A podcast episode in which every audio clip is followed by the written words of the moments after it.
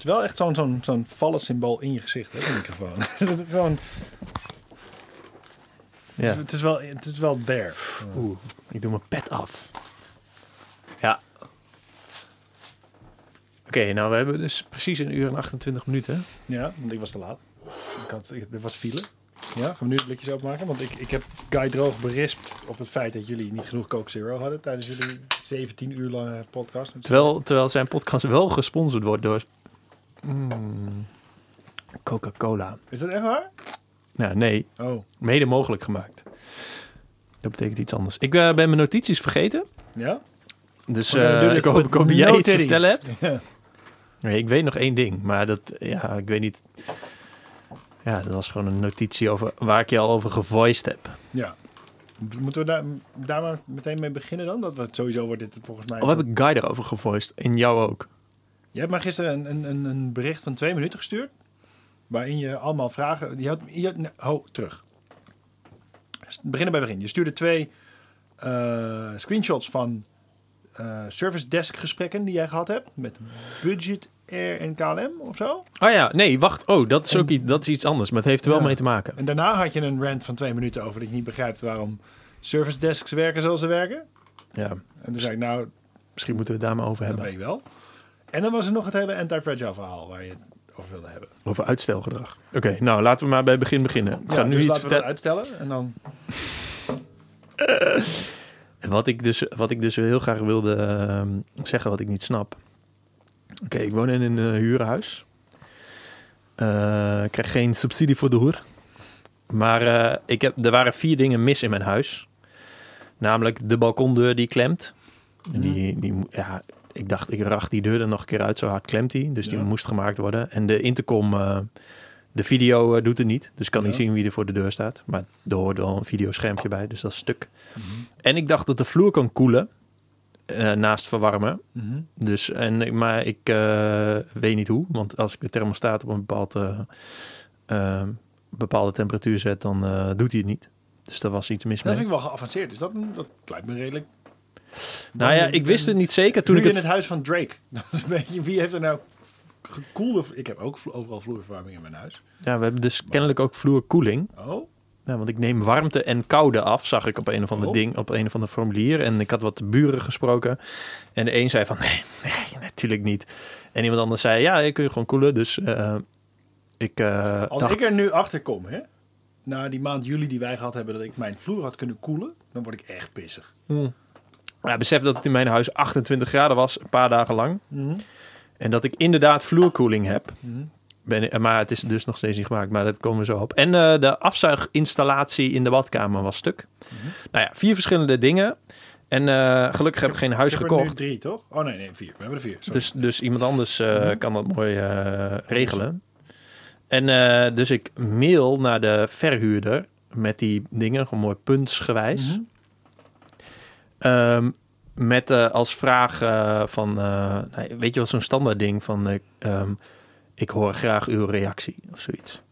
in, alleen- in blijde afwachting van Nee, de respons. nou ja.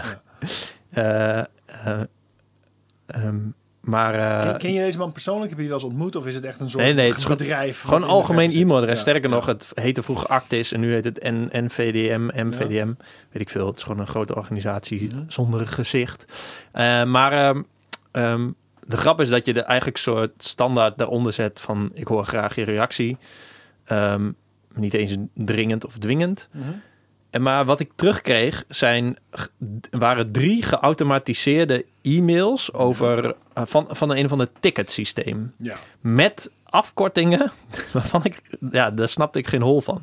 Dus ehm, kennelijk hadden ze drie van de vier punten eh, in een systeem gezet. Mhm.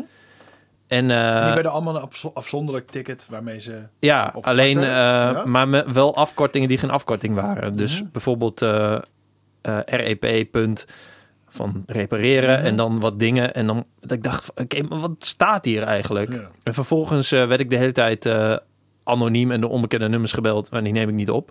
Nou, kennelijk waren dat dus reparateurs. Ja, dit is hetzelfde probleem heb ik ook gehad. Ja. En nou, ik, ik neem niet op. Wat trouwens, ik tweette dat net. Waarom, waarom staat er niet gewoon in beeld als, als een onbekend nummer je belt, maar het nummer staat wel in beeld? Waarom gaat dan je software van je telefoon niet even snel googlen welk bedrijf dat is? Ja, en waarom zou je als bedrijf dat willen? Dat wil je toch juist weten?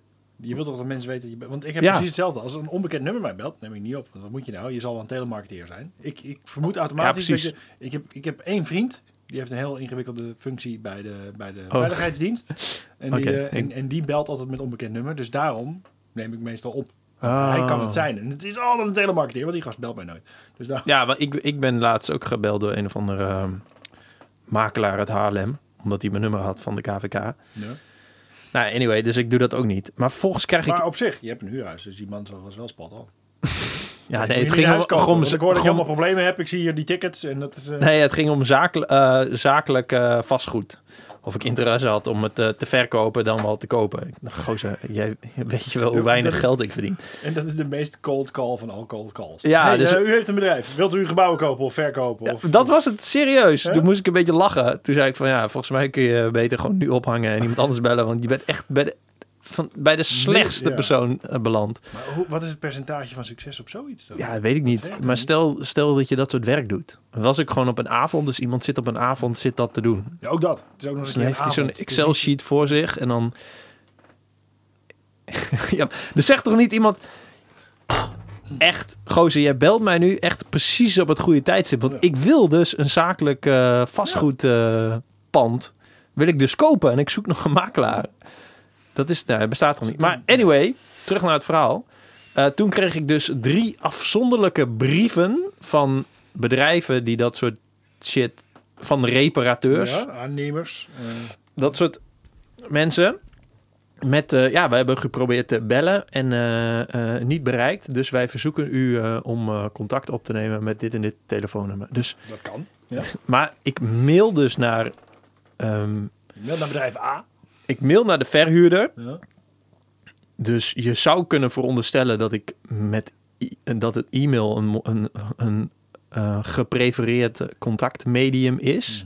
Vervolgens gaat die ehm, verhuurder al mijn gegevens, waaronder mijn telefoonnummer en adres, doorgeven aan die dinges. Maar niet mijn e-mailadres. Dus er zit een soort handeling tussen en met zo'n ticketsysteem en allemaal gedoe.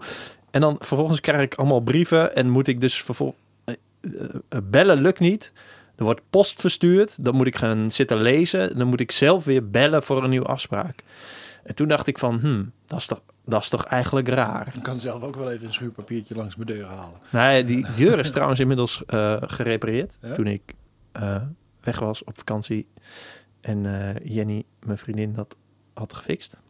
Had gebeld. Maar ja, nu zijn er dus nog twee dingen waarvan ik niet weet welke, welke twee van de drie het zijn. Ja, precies. Die gedaan moeten worden. Dus eh, ja, nou ja. Dat is Ik, wel grappig, want waar, waarschijnlijk is er ook geen bij, eh, bij de verhuur. eh, het bedrijf dat erboven hangt dat jij benaderd hebt, is waarschijnlijk vast wel een soort klachtenservice of zo. Waar je eerst waarschijnlijk ook weer een formulier moet invullen. ja. Kan je, kan je iemand bellen daar gewoon? Kan dat? ja, misschien wel. Want ik neem aan dat, jij, dat, dat het punt wat je wil maken is vooral van waarom is dit zo ontzettend complex? Toch? Ja. Want ik, ik denk dat het heel veel verschillende, verschillende redenen heeft. Daar hebben we het gisteren al eventjes over gehad. Ik denk ten eerste, ik weet niet hoeveel verhuurders of hoeveel huurders dit bedrijf heeft. Maar het Ja, kunnen er zomaar niet. een paar duizend zijn. Ja, dat zal wel. Eh, ik geloof dat in jouw geval dat er vier dingen zijn die misschien allemaal niet sinds vorige week dinsdag stuk zijn. Die al een tijdje aan zijn. En je denkt van nu wordt het echt wel eens tijd dat ik wat ga doen. ja. Maar net als dat een dokter eh, waarschijnlijk een dokter gemiddeld veel meer last heeft van mensen die vier keer per week langskomen omdat ze denken dat ze kanker hebben. Ja. Eh, en niet de, de werkdruk van de dokter ligt bij eh, Max de Vries, die niet eens weet wie zijn dokter is, want die is al negen jaar niet geweest. Mhm. Ik denk dat dit soort systemen, ze zeggen altijd de slechte verpestend voor de goede, en dat is waarom dit bestaat, denk ik. ja, nee, ik, ik snap een ticketsysteem ja, ook heel goed. Alleen, volgens mij zijn er dus heel veel schakels erin die gewoon helemaal vergeten dat er gewoon iemand een vraag heeft gesteld per e-mail. Dus Dat- dat, wordt dat gewoon de afkortingen worden Ja. gebruikt en dat wordt ook met mij gecommuniceerd en dan net zoals dat er bedrijven zijn die zeggen eh, als je een, als je een vraag mailt ehm, en je bent klant van ze, je bent bijvoorbeeld ehm, oh ja, ik had een ik had een webhost en eh, mijn, voor mijn sneu eh, blogje betaalde ik iets van 60 Mhm. piek per maand of zo. Omdat Ja. vroeger was het heel populair en was, verkocht ik e-books en was er... eh, Vroeger was het heel populair. toen ik nog... eh nou ja, maar goed. En ehm, Het Benidorm van ben jij. precies dat. Maar ja, die zeiden ook van ja, dan moet je even een ticket inschieten. Mhm. Ja, gozer, ik ben gewoon een mens. Ik weet niet wat een ticket Nee. is. In principe Ja. weet ik niet wat een ticket is. Ondertussen weet je het, maar dat is ook geen normaal jargon. Nee. Nee. Dus, eh, dus ja, dat, dat snapte ik niet helemaal. En ehm, net zoals de- wat ik jou stuurde, dat, dat ik, eh, ik vlieg binnenkort via Parijs naar eh, Tel Aviv met KLM en Air France. Mhm. Geboekt bij Budget Air. Ja. En ik wilde weten wat mijn boekingsklasse was, omdat ik dan weet hoeveel punten ik kan sparen. Eh, in dit geval bij Delta, want dat is een partner airline. Dus dat, ja, ik, dat wil ik weten. En de Mhm. boekingsklasse is niet economy of business. Dat is in dit geval is het gewoon economy. Ja. En dan kan het nog R of O of P of Y zijn. En aan de is hand daarvan. Ja. eh, meer informatie in mijn boek. Maar dan weet je, weet je zeg maar ehm, hoeveel punten je spaart. Mhm. Dus ik, ik, ik log in bij KLM ehm, met die PNR, dus die zes karakter eh, code. Mhm. En dan staat er ook wel gewoon hoeveel punten je zou sparen met Flying Blue. Maar dat wil ik niet, ik wil bij Delta. Dus het, ze, ja, natuurlijk weet KLM wel welke boekingsklasse dat is. Ze kunnen alle informatie geven over die. Ja. Kan zelfs bij Saudia Airlines inloggen. Want dat is ook een partner en die Mhm. zien ook gewoon al die gegevens. Dus Alleen zien, KLM zegt dus, je hebt geboekt bij een, eh, bij een eh, Third party third party, Ja. in dit geval Travix, zeiden ze. Dus ehm Budget Air is al wel een eh, onderdeel van van zijn. een ander bedrijf, ja. Dus eh, ja, je moet het daar vragen. Terwijl ik denk van, oké, ja, dat weet ik dat ik daar heb geboekt. Maar jullie geven al die service dat ik gewoon... Ik vlieg toch met jullie? ja. Dus, en jullie weten het ook al. Het staat waarschijnlijk gewoon bij die persoon die dat, eh, die dat checkt. Want die voert even dat nummer in. Mhm. Staat het gewoon in beeld. Dit is een vermoeden, hè? En, en dat, dat weet ik dus niet. Ik kan het niet staven. En dat kunnen we waarschijnlijk hier in deze, de- deze sessie niet gaan, gaan waarmaken of breken. Ik vermoed dat, dat, dat KLM met al hun third parties een soort deal heeft. En dat, dat, dat gaat over, jullie mogen ons tickets verkopen. En dan zijn dit en dit en dit en dit de randvoorwaarden waar je aan moet voldoen. Zorgen dat je ook daadwerkelijk tickets verkoopt die er zijn. Allemaal geen bullshit, weet je, dat Mhm. klopt. En dan om, om dat hele de, dat gebied van die, van die service verlenen zit daar waarschijnlijk ook afspraken om. En, en dan vraag ik me af of het juist een budget air is die, die dat naar zich toe wil trekken. Dus dat zij willen. Wij willen dus de, de- het service after sales contact hebben, want daar is een mogelijkheid voor upsales, weet ik veel wat. Hè, dus dat KLM weet het wel, wil jou wel helpen, maar in hun deal staat, wij moeten Jelmer daarheen sturen. Want Budget Air heeft dan een klantcontactmoment, wat Ja. altijd belangrijk is. Hè? Ja, en dan, en dan, dan wie weet wat ze hier nog kwijt kunnen kopen. Of juist andersom, dat KLM zegt, ja, jullie mogen onze tickets verkopen en jullie mogen dat allemaal doen, maar dan moet je die shit ook zelf oplossen. Ja. En daar kom je dan weer wat jij gisteren zei, dat ehm, de gemiddelde service, servicevraag wordt gewoon aan de hand van scriptjes en dat soort dingen opgelost. Niemand denkt na. Ehm, en in dit geval denk ik dat het scriptje is, ja, hij vraagt dit, maar het is via budgetair en dan moet hij daarheen. Ja. Niet eens van, ik kan het wel opzoeken, ik wil het niet, maar dat, daar staat hier dit en ik moet niet van mijn scriptje afwijken. Ja, nou, ja, en ik denk dat dat het is, aangezien, ja, ik weet, ik ben, ik ben zelfs op die social media desk van KLM eh, in Amstelveen ben ik geweest. Dus Mhm. ik weet hoe het daar eruit ziet en hoe ze dat allemaal doen. En wat ze wel kunnen, zeg maar. Ja. Ze, kunnen, ze kunnen je, ze kunnen alles voor je fixen als je vlucht vertraagd is en eh, ze weten je, je voorkeursstoel en dat soort dingen. Ze, dus, dus daarom vind ik het zo. Ehm, ik vind het eigenlijk meer sneu voor ehm, het, ehm, het type werk. Ja. Dat je gewoon een scherm voor je hebt. Klant heeft vraag, een probleem, wil iets weten. Je kunt het zeggen, maar volgens de regels Nou, dat is, dat is het. En dat maakt moet je wel dat zeggen. En, dan, en vervolgens moet ik naar Budgetair. En Budgetair zegt... Want ik ben dus in contact met Budgetair op, op eh, Twitter. Mhm. Ik stuur ze een DM met... Ja. eh, ja, dit is mijn code en ik wil graag dit, gaat, dit eh, weten. Dus ik weet, ik weet ook al dat ze... Ze kunnen direct mijn antwoord geven, want ze hebben die code direct gekregen. Ja. En dan zeggen ze... Oh, eh, dan moet je eventjes eh, mailen naar dit en dit, dit. Terwijl ik denk, ja... Gozer, ik heb dus al contact met jou. Wa- Mhm. Wat is dit nou weer? Ja, en, en, en, en inderdaad, de reden dat het gebeurt is omdat ze die crypts hebben. En wat interessant is, en daar kun je een gesprek over hebben zonder dat je de waarheid boven water gaat krijgen, denk ik, is, is waarom de persoon aan die kant van de lijn zich zo angstvallig aan dat script houdt. Ja, want juist in zo'n geval, als ik een tweet stuur, is een ticketsysteem heel, heel mooi. Mhm. Dan maken ze namelijk een ticket aan, Mhm. klant, eh, klantnaam, ID, alles. Mhm. En dan zeggen ze, oké, ik heb het voor je nagevraagd. Verwacht tussen, de, weet ik veel, drie en vier dagen eh, antwoord. Want dan Ja. kunnen zij met dat ticketsysteem een mail sturen naar hun interne Ja. collega's die die vraag... Dus Ja. vervol- eh, er wordt aan mij gevraagd, jij moet een e-mail sturen. Maar ik heb de vraag al gesteld. Je kunt deze vraag gewoon in je ticketsysteem pleuren en dan... Ja, en je kan alle, alle data eraan linken. Want, Want ze weten al wie weet ik ben. Ja, precies. Dus ja. nu, nu moet zeg maar, ja, het is. Ja. En daarom, ik stoor me er heel erg aan, omdat, omdat eh, internet helpdesks, zijn, het zijn een soort tennissers. Krijgt Mhm. allemaal balletjes. En wat het enige wat ze moeten doen, is zo hard mogelijk zo'n bal weer terugrammen. Ja. Ze moeten de Snel. dag geen ballen meer aan hun kant hebben. Ze. Dat is het wel. En, Nee, dus dat En- ding, ja, dus, dus zij vinden dus, eh, eh, bijvoorbeeld die, die heeft gezegd, eh, je moet naar budgetair. Ja, die heeft hem nu afgevinkt. Ja. Klant geholpen. ja, klant Terwijl klant helemaal niet geholpen. Klant heeft nog steeds een Nee. probleem. Nee, en ik vraag, ik vraag me dus af in dat soort... Ik, ik ben daar nooit heel erg dicht bij betrokken geweest. Maar ik vraag me af of het überhaupt heet klant geholpen of, of probleem verholpen. Want het is voor hun een probleem dat jij belt. Ja, dat, is, dat, dat probleem is nu weg. Ja. Dat jij daar verder niet mee geholpen bent. En, en wat je heel erg ziet in dat soort... Hoe groter zo'n bedrijf wordt... En ik vind het daarom interessant dat het juist op zo'n kneuzige manier misgaat... bij zo'n, bij zo'n eh, verhuurder die jij hebt. Want da- daar Ja. zie ik echt... Ik zie daar gebeuren... Die, die jongens die groeien... Die hebben op een gegeven moment hebben ze 5000 huurders... En, en die worden gewoon kapot gebeld. En, en eh, Rita en, en Dirk van de, van de klantenservice... die kunnen het niet meer aan. Dus dan moet er Mhm. wat. En dan komt er een snelle Henkie van een, van een of ander IT-bedrijf... met een ticketing systeem. En die laat drie presentaties zien en die denkt, jongens, dit moeten we hebben. En dat wordt dan door vier, vier, eh, vier eh, developers met, met eh, LTS vakstroom wordt dat in elkaar ge, ge, ge- geknoopt. En ik weet niet, heb je dat ooit gezien? Die heb je wel eens gezien. Er is zo'n, dat was echt zo'n ding in 2009 of zo. Zo'n, zo'n, zo'n plaat over het internet, die, die ging over projectmanagement. Wat je krijgt als je, als je een vraag stelt aan een projectmanager. En, wat je krijgt, en dat ging dan over hoe je een schommel aan een boom hangt. Oh, ja, Alle ja, ja. extreme vormen waarin... Wat je Ja. krijgt als je het vraagt aan een creatief. Als je het vraagt aan een projectmanager. Als je het vraagt aan een developer. En, en al die mensen hebben gewoon andere manieren waarop ze opereren. En zo'n ticketing systeem is gebouwd door developers... die waarschijnlijk heel weinig praten met huurders.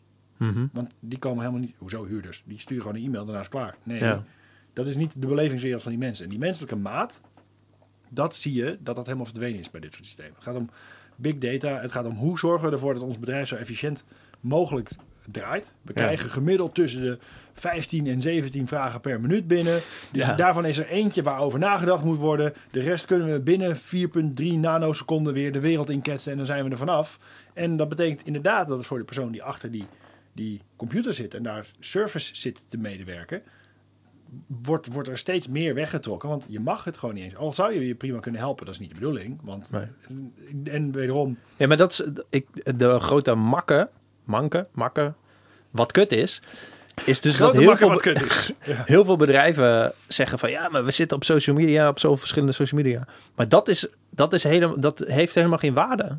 Op die manier. De waarde is als je geholpen wordt. Laatste, die eh, tas die ik had besteld, die Go Ruck. Ja. Ik had eh, heel veel dollars betaald voor die tas en voor verzenden naar Nederland. Maar ik wilde heel graag die tas hebben. En eh, ik, ik heb zelfs van tevoren gevraagd eh, van... joh, waarom is het, zijn de verzendkosten zoveel? Toen zeiden ze van, nee, er zit ook die, die eh, douanekosten erbij. Verzenden met DHL. Dus dan hoef jij je niet... Want soms krijg je dat toch als je iets uit het buitenland bestelt. Krijg je soms... Ja, dan blijft hij even liggen en dan gaan ze bij Schiphol Ja, steeks. Hier, je moet nog even 48 euro aftikken. Nou, eh, precies dat gebeurde bij mij aan de deur. Van, joh, eh, hier is je tas. Alleen je moet nog wel even 55 euro betalen voor de douane. Of toch in ieder geval zo'n gewoon kutbedrag. En eh, toen zei ik, huh? Mhm. Maar dat klopt helemaal niet, want ik heb dit al Betaald. quote-unquote afgekocht. En eh, toen zei DHL, ja, je kunt eh, ook eigenlijk alleen maar cash betalen. Echt waar? En dus toen ging zeg maar je pakje, Oh, je dus, zo dus wij zijn hier nu in de ether aan het slingeren dat alle DHL-medewerkers over straat lopen met dikke pakken cash in hun zak. Ja, nee, maar toen was Jongens, het gaan even, DHL toen was het af- even stuk. Ja, oh ja. Nee, maar goed, het, dat is natuurlijk helemaal kut. Want je ziet, een, je ziet een pakketje, zeg maar. Je verwacht een pakket, dat zie je, dat staat voor je deur. En dan zegt hij, Mm. ja, je moet Ja, betalen. Maar ik, had het, ik moest dat helemaal niet betalen. Maar wat ik toen deed, is ook via Twitter naar dat GoRuck eh ehm, Mhm. eh, shit vragen. Toen zeiden ze van, oké, eh, geef ons eh, even één dag en we gaan het oplossen. Nou, Mhm. dan kreeg ik dus binnen een dag een bericht van jou... eh, ehm, als het goed is, eh, wordt het weer eh, opnieuw aangeboden dan en dan. En eh, maak je geen zorgen, ehm, Kom voor elkaar. het, het komt voor elkaar. En als het niet voor elkaar komt, eh, vragen we je om te betalen. En dan eh, eh, die factuur toe te sturen. Nou ja, dat laatste ging ik sowieso niet doen, want ja, ik heb daar geen zin in, want dan moet ik Mhm. zelf weer allemaal shit fixen. Nou, toen kwam het weer en toen het van elkaar. hadden zij dat dus geregeld. Wat fucking nice is. Ja. Maar er komt een moment... Omdat dat- zij denken, oké, Ja. klant heeft een probleem, hoe gaan we dit oplossen? Ja, maar ik denk dat GoRock op dit moment 100 tassen per dag verkoopt. Ja, weet ik misschien, niet. misschien 50 wel. Dan kan dat. Ja, nou, ja, T-Mobile doet het ook fucking goed. Ja? T-Mobile regelt alles via Twitter. Mhm. Ik zit in, dan zit ik in een vliegtuig en dan tweet ik naar T-Mobile. Yo, eh, ik ga naar eh, de US. Eh, kunnen jullie even die bundel aanzetten en direct ook weer uitzetten? Want ik ben er maar een week. Oh, is goed geregeld. Misschien, je nog even, misschien moet je nog even je telefoon resetten. Fucking goed. Oh, nice. Twitter, of eh, T-Mobile op Twitter is echt... Mhm. Shout-out T-Mobile. Ik doe telefoon, doe ik, heb ik Vodafone. En dan, die hebben zo'n app daarvoor, voor dat soort dingen. Dus ik, Oh ja. ik hoef nooit... Maar daar kan ik alles ook zelf fixen. En dat vind ik dan wel heel prettig. Ik heb niemand nodig. Ik hoef Ja, dat is ook wel weer chill. Maar dan moet het wel werken. Ja, het werkt. Ja. Tot nu toe gaat dat gewoon goed. Dan wil ik ook nog even, dan, nu we dan ook service mensen op een, hè, een andere manier aan het belichten zijn. Ik heb eh, vandaag een extreem goede ervaring gehad met Van de Bron. Van de Oh. energie. Dat is ook Ik mijn eh, energiemaatschappij. Ja, nou, dat zijn niet mijn energiemaatschappij, want wij hebben van die, van die stadswarmte en zo. En dan kan je alleen bij Nuon. Die hebben daar zo'n monopolie op. Oh, maar Van der Bron is toch eh, elektriciteit? Oh ja, elektriciteit, ja. Elektriciteit heb ik bij Easy Energy, maar daar moet je niet heen gaan. Ik ga wel naar Van de Bron. Ik ben bij, die van mij, mij, ik haal mijn energie van een windmolen in Lelystad. Ja? Of zo. Ja, dat is, In de buurt. dat is niet waar. Dat zeggen ze, maar dat kun je helemaal niet, dat kun je Nee, helemaal niet zeggen. natuurlijk niet. Anyway, ik heb dus het stinkt wel een beetje naar Lelystad, Lelystad als, ik aan mijn, als, ik, als ik aan mijn Ik ben stopcontact wel bij jou ruik. thuis geweest. Er hangt wel zo'n soort treurige Lelystad vibe. Ja, het waait soms door de stopcontact. Nou, ga, ga verder. Eh, ik heb sinds twee dagen een elektrische auto. Ik had geen idee hoe dat werkte, maar voor al die, al die oplaadpunten overal, daar heb je dus een pas voor nodig. Ik dacht, daar haal je gewoon je creditcard tegenaan en dan kan je Ja. opladen. Maar dat is dus niet zo. Je moet een pas hebben. Oké. Nou, er zijn verschillende aanbieders van. Ik, ik heb wat rondgezocht, echt letterlijk drie seconden, want ik neem daar nooit de tijd voor. En ik heb Van de Bron gekozen. Die zou het ding meteen opsturen. Die had er woensdag al moeten zijn. Was er woensdag niet. En dan belde ik ze gistermiddag. Zeg, ja, hij is wel verstuurd, dus hij moet er zijn. Dus ik kom thuis, was hij er weer niet. Dus ik bel ze vanmorgen. Zeg, die, die gast zegt letterlijk, ja, fuck. eh, weet je, eh, Jan Vetstraat Amsterdam, toch? Ja, ja oké. Nou, ehm, ik ga wel even kijken. Weet je wat? Ik activeer hem wel. Ik kom hem wel even brengen. Ik gooi hem zo door je bus. Huh? Fucking vet. Ja, dat is En wel dat, echt kan, cool. dat slaat nergens op. Dat, dat, dat kan je niet op schaal doen natuurlijk. Maar Ja. dat doet hij wel. En dat vond ik dus van de bron, dikke punt. Maar waarom zou dat niet op schaal kunnen? Waar- waarom moet je op een gegeven moment gaan eh, sch- schalen dan? Ja, ik, ik denk dat het echt te maken heeft met dat er andere mensen met andere ogen naar, naar je bedrijf gaan kijken. Ehm, eh, zodra je bijvoorbeeld beursgenoteerd bent en dat soort Mhm. dingen, dan wordt er op een hele andere manier naar je cijfers gekeken. En dan gaat het er echt om. om ehm, Maar dan is het gewoon efficiëntie, efficiëntie, ja, en efficiëntie, eh, efficiëntie. efficiency is volgens mij nooit iemand echt beter van geworden. Het gaat meer om effectiviteit, volgens mij altijd. ja. En eh, efficiëntie gaat inderdaad, dan, efficiëntie gaat over hoeveel vragen komen er binnen op een dag. En Ja. kunnen we daar zoveel mogelijk goed van beantwoorden op een zo goedkoop mogelijke manier. Terwijl effectiviteit is, komen 100 vragen binnen. We moeten die 100 vragen goed beantwoorden. Ja. Hoe doen we dat? ja, precies. Dat is een hele andere benadering. Ja want, ja, want meestal wordt het dus... hoe kunnen we het aantal vragen verminderen? Of, Mhm. wat helemaal kut is... hoe kunnen we ervoor zorgen dat mensen niet echt weten... hoe ze onze vragen moeten stellen? Dat is ook nog een goede. Ja. Maar Dus- dat, dat kan bijna niet meer tegenwoordig. Toch? Dat soort bedrijven de- Nou, die, die dat heel obscuur maken. Ja, ja dus één voorbeeld. Het is misschien niet zo'n goed voorbeeld, maar het is wel een voorbeeld. Je hebt, eh, het gaat over vlieg, vliegtickets. Oh, Je hebt eh, de frequent flyer programma's van Iberia en British Airways werken met elkaar samen, want hun moedermaatschappij is, eh, volgens mij is het I, IHG, GIH, iets met drie cijfers en iets Mhm. met een I. En, maar je kunt dus de punten van het ene programma naar het andere sturen. Alleen dat is zo erg verborgen op een website. Dan moet je een tapje en dan moet je helemaal onderaan Ja. links. En dan staat er is iets, een stukje tekst, wat zeg maar grijze letters op witte achtergrond is. Oh ja. Maar dat is dus een link en dan klik je erop en meestal eh, eh, krijg je een eh, error en een ding is. Het, Oh ja. het lukt- het lukt gewoon Het is nooit. expres moeilijk gemaakt of zo. Ja, en dat, ja, dat, dat is natuurlijk helemaal kut. Maar heb je dat wel eens geresearched? Ik bedoel, jij zit in de, in de vlieggekkies community. Is de consensus dat ze dat expres moeilijk proberen te maken? Oh, dat weet ik eigenlijk niet. Nee? Dat heb ik, heb ik nog niet opgezocht. Over het algemeen kan je dat als bedrijf tegenwoordig echt niet meer flikken natuurlijk. Dat, dat kon je voor Twitter en dat soort dingen kon je dat wel doen. Ja. Maar tegenwoordig, ja, je ziet juist heel erg dat bedrijven, nou ja, de, de HEMA's, de KLM's en de Heineken's doen natuurlijk daar expres, die hebben een marketing systeem gebouwd wat daar omheen draait. En het gaat niet 100% van de tijd goed, zoals jouw KLM-verhaal. Hoe bedoel je? Waar, waar, Nou, die, die, die proberen heel erg juist te scoren op customer service. ja. Dus het beter doen, het leuker doen, het enthousiaster doen. ja, maar de een, ja, dit, dus T-Mobile kan het en Coolblue kan het natuurlijk Mhm. ook knettergoed. En ook daar gaat wel eens wat mis, maar dat vergeven mensen je dan. En dat geeft ook niet als dingen soms misgaan. Alleen wat er nu bij KLM gebeurt, is dat ze proberen het niet eens. En dat is natuurlijk helemaal kut. Dus, oh nee, het zijn wij Nee, niet. Ga, dan, ga dan maar daar vragen. Waar ik vaak aan moet denken is websites die iets verkopen en dan eh, ehm, een lijstje met features hebben. Zo van Mhm. dit kan het allemaal, maar Ja. dat is eigenlijk helemaal niet boeiend. Want? Nou, omdat het de, eh, wat boeiend is, is hoe eh, je problemen worden opgelost. Mhm. Het boeit niet wat voor features iets allemaal heeft. Nou, dan, dan, dan heb je nu een soort van, zonder dat je door ben je, ben je gestruikeld over wat er nu in nou, de laatste vijf jaar in reclameland heel belangrijk wordt. En dat is feature, benefits over features. Dus- Eh, ja, benefits, ja, dat bedoel Ja. ik. Dat is Dus eigenlijk het woord dat ik Het zocht. is niet, niet wat kan het, nee, maar wat doet het voor mij? Ja, wat heb, wat heb ik eraan? en precies. wanneer wordt het beter? Ja. En dat, dat is een veel moeilijkere manier om te communiceren. Ja. En wederom, ik geloof en ik denk dat het bij de Coolblues van deze wereld wel beter wordt. Maar nog steeds denk ik dat de, de backends van dat soort sites en dat soort dingen, die worden nog steeds allemaal in- ingericht en gebouwd door mensen die gewend zijn dat soort sites te bouwen. Ik vind, Ja. daaraan vind ik Bunk een goed voorbeeld. Jij bent al een tijdje fan, volgens mij. Ja. Ik sinds kort ook. Ik heb nu vijf bankrekeningen bij een bank. Die kon je gewoon allemaal zo openen. Ja. Ik vind Bunk echt een voorbeeld van, van mensen die naar een product zijn gaan kijken van een bank. Ja, maar wat nou als, als dat allemaal niet bestond en we begonnen bij nul vandaag? Dat hebben ze gedaan. Ja. Van als, je hebt een bepaalde dingen heb je gewoon wel nodig. En rekening is handig en dat soort dingen. Maar wat als we het hele systeem nou laten gaan en we kijken er gewoon vanuit wat ik handig vind als gebruiker.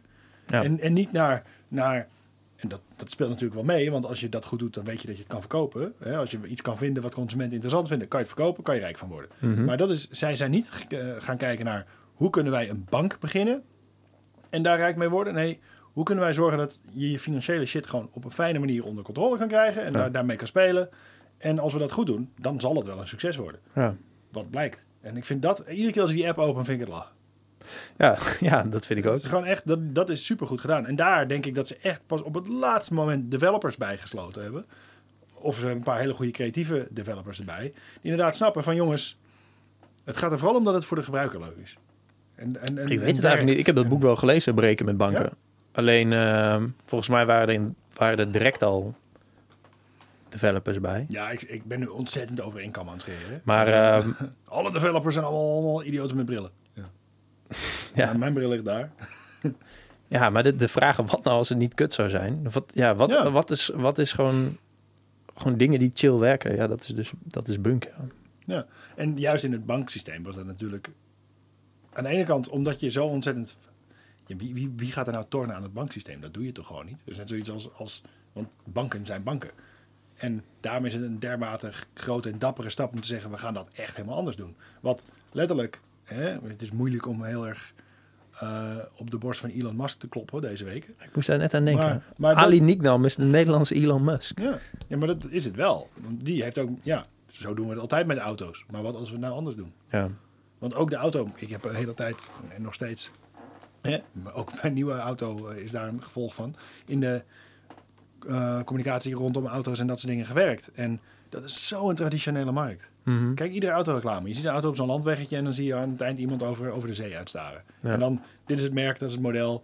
Als je twee keer knippert, weet je niet meer. Ja, precies. En, maar dat is hoe het al 80 jaar gaat. Om het daar anders te doen. En dat is echt, ik heb, ik heb al die mensen op de verschillende lagen, vooral boven in die boom van, van, de, van de automobiele wereld. Dat zijn, die zijn al 65 en ja, alles gaat zoals het moet gaan, weet je. En, en, en zo hoort het en zo doen we dat. Voor, voor Elon Musk om daar langs te komen en te zeggen van, ja, maar wat als we het nou wel helemaal anders doen? Mhm. En inderdaad, dan krijg je vooral te horen vanuit de mensen die het zogenaamd weten. Van, ja, ga je nooit redden, dat kan niet, dat kan niet. Ja, Mhm. tot je het doet. Ja. Dat wel. En Bunk is daar ook een goed voorbeeld van. En ik heb nog nooit met hun klantenservice te maken gehad. Maar ik neem aan dat ze dat ook wel op orde. Ehm, ja, ik was er in het begin wel eh, druk mee. Eh, hoe lang? Ik denk dat ik anderhalf jaar lang klant ben. Ja, vooral eh, via, via Twitter en via hun eh, community. Het moet sowieso wel goed zijn. Hè? Want jij bent, wat je zegt, je bent al anderhalf jaar klant. En daar is natuurlijk een heel logisch verband. Want bij Bunk ben je anderhalf jaar klant. Daar, daar blijf je waarschijnlijk nog wel anderhalf jaar klant. En misschien nog wel Mhm. langer. Daar heb je gewoon een soort lifetime value die best wel hoog is. Dus Mhm. iedere keer als jij ergens mee zit, is het de moeite om jou daarbij te helpen. Ik heb jaren bij ABN AMRO gezeten. Ik moet zeggen, los van wat ik verder van die bank vind en wat er aan de achterkant allemaal gebeurt. De klantenservice heb ik nooit enig... Die, die hielpen altijd, die waren altijd bereikbaar. Die gasten deden hun best. Dat vond ik echt goed. Mhm. En dat is logisch, want ik heb heel veel waarde voor hun. Ja. Dus het is belangrijk om mij dichtbij te houden. Als Impliceer jij nu dat jij knetterrijk bent? Nee, Oh. nee, nee. Oh, Want dat zou ik ook geïmpliceerd hebben dat jij knetterrijk bent net. Oh ja. nee, maar je, Bunk, Bunk verdient geen geld aan eh, vermogen. Nee, dat is alleen abonnementen. Ja. En dat, dat vind ik een heel slim systeem. Ik denk Ja. dat het goed werkt. Nee, maar ehm ABN AMRO doet het allebei. Dus ja, Mhm. dan betaal je ook gewoon voor je pas. Ja. Weet je? Dus dat is eigenlijk hetzelfde systeem, plus nog meer kosten.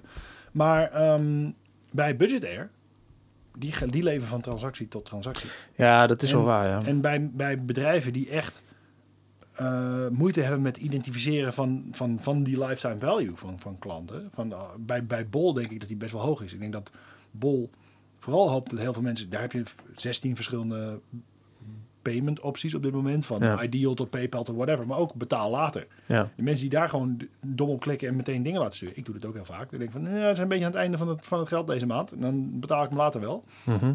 Eh, voor, voor mij moet ik nog steeds voor jouw boek betalen. Ik nog geen herinnering van. Echt? Ja. Huh? Ehm, en, ehm, Heb je die via bol.com? Ja, Oh. voor mij, e-taart kan je voor mij alleen maar via bol.com oh ja, dat is trouwens wel waar, ja. Ja. Oh, dat Dus is wel die moet grappig. betalen. Maar dat is een goede manier om, om mensen die dat vaak doen vanuit dat ze ingelogd zijn, die kan je identificeren als, en sowieso een abonnement kan je, deze zijn geld waard. En het zou me niks verbazen als je in de achterkant gaat kijken bij de Coolblues en de bol.coms, dat als mensen een klacht hebben, dat ze geïdentificeerd worden en dan wordt een kant op gefunneld van, oh, jij bent eh, gekke Henkie die nu nooit hier besteld heeft en die nu loopt te, eik- te eikelen omdat ze wattenstaafjes te laat binnenkomen. Of jij bent Jelmer de Boer die hier eh, vier keer per week eh, voor 350 euro bestelt en die moeten we even binnenhouden. Ja. En, en Nou ja, in dit specifieke geval bij Budget Air heb ik denk ik iets van tien keer geboekt of zo. En ik heb daar een account waar je al die reizen en boekingen Mhm. kan terugkijken. Wat Budget Air is, een, dat is... Ik boek daar graag omdat je alles knettergoed kunt zien. Mhm. Alleen behalve één ding. De boekingsklasse. Die wilde ik graag weten. Ja. Ehm, het staat zelfs in mijn boek trouwens. Dat het Ja? mijn favoriete website is om eh, te boeken. Ja, dus ja, dat, ja, ja ik snap ja, het ook maar wel. dat, alleen, dat werkt dan toch hetzelfde. alleen waarom... Ehm, daarom werkt Coolblue dus zo goed. Want die denken de hele tijd... Ja, maar hoe kunnen we dan mensen eh, blij maken? En het is toch een marge kwestie. Dan denk ik dat Coolblue veel meer marge op een verschillende eh, verkoop maakt dan Budget Air. Weet je, je kan... ik denk niet dat ze je- je snel, kan- zo snel zijn gegroeid door... Ja, daardoor. Door? Door, door een hoge marge. Nee, maar daardoor kunnen ze wel gewoon gezond geld blijven. Ze zijn niet gegroeid door die hoge marge. Ze zijn gegroeid door die achterkant. Mhm. Ik, ik bestel liever bij Coolblue als het 3 euro duurder is daar dan bij bol.com. Gewoon omdat Coolblue leuk vind. Mhm. Dat is hoe dat werkt. Ik denk dat, zeker in Nederland, het marktplaatseffect, denk ik dat dat zo belangrijk is. En dat hebben ze daar heel goed gedaan, denk ik. Ja. En aan de andere kant, bij bedrijven die gewoon echt, hè, budget air, dat zegt het al, alles gaat om geld en over de budget. Jij kan 80 keer per week vliegen bij Ryanair, dan wordt Ryanair niet ineens Singapore Airlines van. Dat blijft Nee. kut. Nee, ja. Daar wordt het niet Ze beter maken wel meer winst dan Singapore Ja. Airlines, volgens mij. ja. Voor mij zit het daarin, weet je. Bij, als je als je als bedrijf kijkt naar wat je, wat je per klant kan verdienen en over welke termijn, zit daar automatisch een, een logisch gevolg aan over hoe je daar met die klant omgaat. De- de- daar moest ik vorige keer om lachen toen jij en Guy hadden het daar uitgebreid over. En toen waren jullie aan het ranten over dat, was het Domino's Pizza, die jou een korting op je volgende bestelling gaf. Ja. En ja, dat is aan de ene kant bizar, maar natuurlijk doe je dat. Want Ja, ja, ik begrijp dat het gebeurt. Ehm, omdat, omdat ik, ik snap dat mensen dan Mhm. denken... oh, nou ja, dat is wel chill. Oh, wat sympathiek van ze. Maar eigenlijk, je lang over nadenkt... Nee, daar hoef je niet, helemaal niet lang over na te denken. Als je er überhaupt maar een beetje over nadenkt, is het debiel. Ja. Maar ook daar kijken ze naar de grote getallen. Ja, En dat hebben ze allemaal al duizend keer getest hoor. En Zeker een Domino's Pizza met, met, met 5000 eh, franchises ergens in de wereld. Ja. Dus laten we even in dat hoekje van, van eh, eh, Groot-Brittannië even gaan testen met wat nou als mensen meteen een gratis pizza teruggeven. Wat doen ze dan? Oh, dan zijn ze blij, maar dan komen ze niet per se sneller terug. Dus als we ze alleen maar korting op de volgende bestelling geven, zijn ze net zo blij. En dan krijgen we geld voor die volgende bestelling. Mhm. Dat is gewoon data. En da- daar wordt het op besloten. En iedereen die even langer nadenkt dan, dan zijn neus lang is, die zegt inderdaad, ja, ik zie wel wat jullie aan het doen zijn. Jullie proberen van je eigen fout nu een marketingkans te maken. En dat is het letterlijk. En 95% van de mensen trappen daarin. Dus dat is echt de schuld van de mensen die bij Domino's kopen dat het zo gaat. ja. We, we vinden het allemaal veel te leuk om, om fan te zijn van merken. Dat, Mhm. dat is het. Van welke merken ben jij fan? Nog meer. Behalve van Van de Bron en Bunk. Van de Bron begint net. Dus die hebben een goede eerste stap gemaakt. Ik Weet je wat Van de Bron Bunk- laatst trouwens, even tussendoor. Ja? Ik was bij de Albert Heijn, stonden van die mensen eh, eh, buiten met, van Van de Bron. Mhm. Met een of ander... en die hadden een handje met kolen hadden ze bij zich. Ja. En weet je wat dit is? Kwamen ze dan naar je toe. En, toen, en dan begonnen ze vooral Van de Bron. En zo, op het moment dat ik zei, ja, maar ik ben al Ja. eh, lid van, van, van, ik ben al klant van Van de Ja. Bron. Oh, oké, bedankt, fijne dag. De peerden ze hem direct. Terwijl je, Kan je niks aan jou verdienen. nee, ja, precies. Dat, Dat, is- dat, hey, tof man, wil je meedoen? ja, Nee, ja, nou ja, maar- weet je, dan kijk, dat, dat is ook zeg maar helemaal. Ja, ik snap ook wel die eh, mensen die dat doen, die Ja. werken helemaal niet voor Van der Bron, dan boeit het ze allemaal geen kloot. Maar juist, juist dan, volgens mij is dat, klopt dat script dan ook niet echt. Volgens mij kun je dan ook juist nog wel iets doen. Oké, wat vet, wat vet dat je al Ja, klant wil bent. je met ons op de weet foto? wel, ja, weet Zo, je wel zo. Dan zeg je misschien nee, maar in ieder geval doe er iets mee. Ja. Ja, nou ja, goed. Ehm, Maar dat is weer, die jongens worden, Een utopische gedachte, die jongens ja. worden afgerekend op hoeveel contracten zij afsluiten op die dag. Ja, Niet- die denken, op oh, hoeveel tyfus. jammers ze blij maken met een glimlach. nee, weet je? precies. Dus, dus dat is weer sales over branding. Ja. En, en alle, uh, die dingen lopen altijd door elkaar. Want ieder contactmoment dat je hebt... Ik ben echt, echt bullshit bingo aan het spelen in deze podcast, jongen. Ik zit echt op mijn praatstoel. Ieder contactmoment dat je hebt als klant met een merk... is aan de ene kant... Ook al gaat het over de, over de service desk... of ook al gaat het over dat je, dat, je, dat je product niet bezorgd is, weet ik veel wat.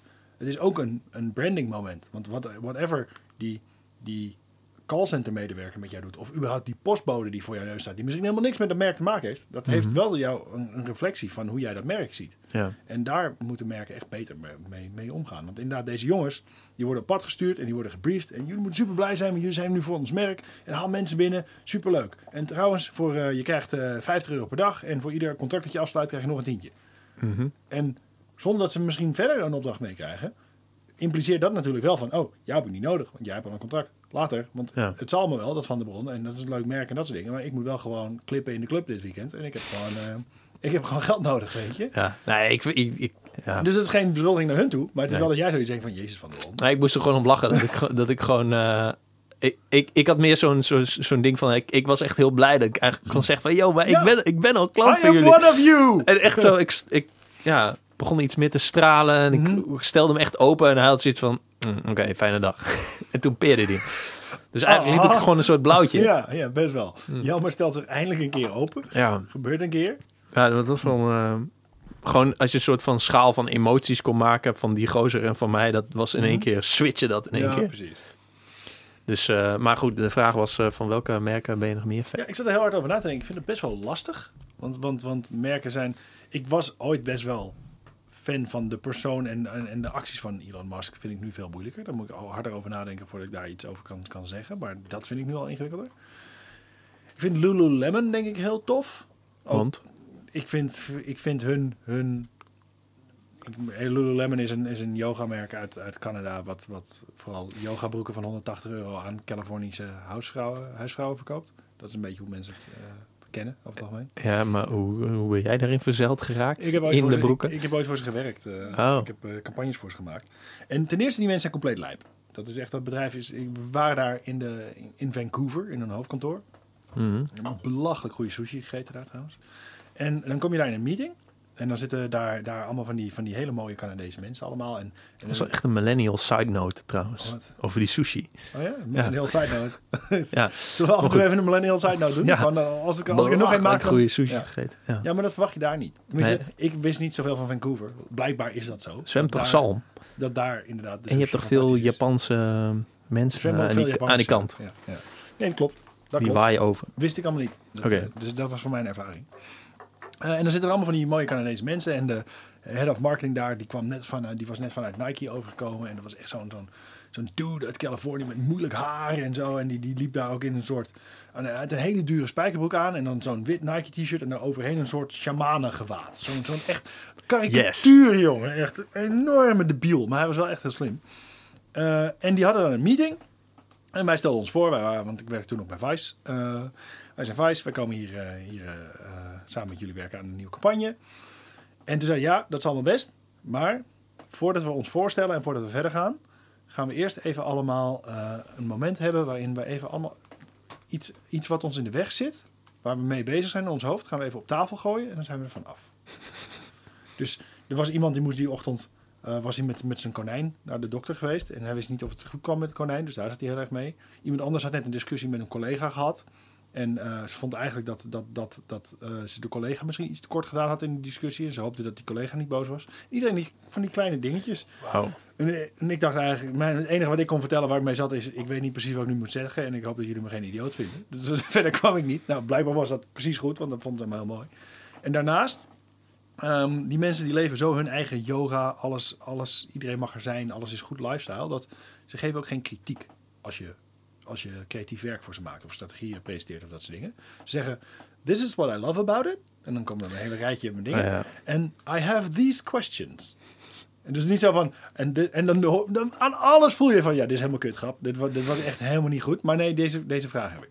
Nou, los van dat ik die mensen. Ik moest daar echt om lachen. En ik vond dat. Ze weten dat vol te houden en daar een miljardenbedrijf van te bouwen. En dat vind ik best wel impressive. Maar hun, hun doel is nog steeds eh, zoveel mogelijk geld verdienen. Toch? Ik denk wel dat dat het doel is. Of Dus is het hun soort van- missie is, is to bring yoga to the masses. Dat is wel echt, eh, echt hun, hun doel. Oké. En ehm, in de campagne. Maar wel met spullen verkopen. eh, Of doen Ja. ze nog meer? Nou, ze doen wel wat meer, want ze, want ze hebben brand ambassadors die ook in, in eh, kansarme wijken yogalessen geven en dat soort dingen. En ze, Mhm. ze doen wel echt serieus een community outreach en, eh, en, en proberen het, het voor meer mensen toegankelijk te maken. Wat, eh, zij maken dus echt debiele marges, want zij, je- ze zijn eigenlijk een soort de Apple van yoga. Ze, Ja. ze doen al hun in-house R&D, ze, ze, ze ontwikkelen alles zelf. Ze hebben echt windtunnels en een hele science fabriek daar in Vancouver ook staan. En alles maken ze zelf. En ze, ze hebben alleen maar één kanaal. Je kan Lululemon alleen bij Lululemon kopen.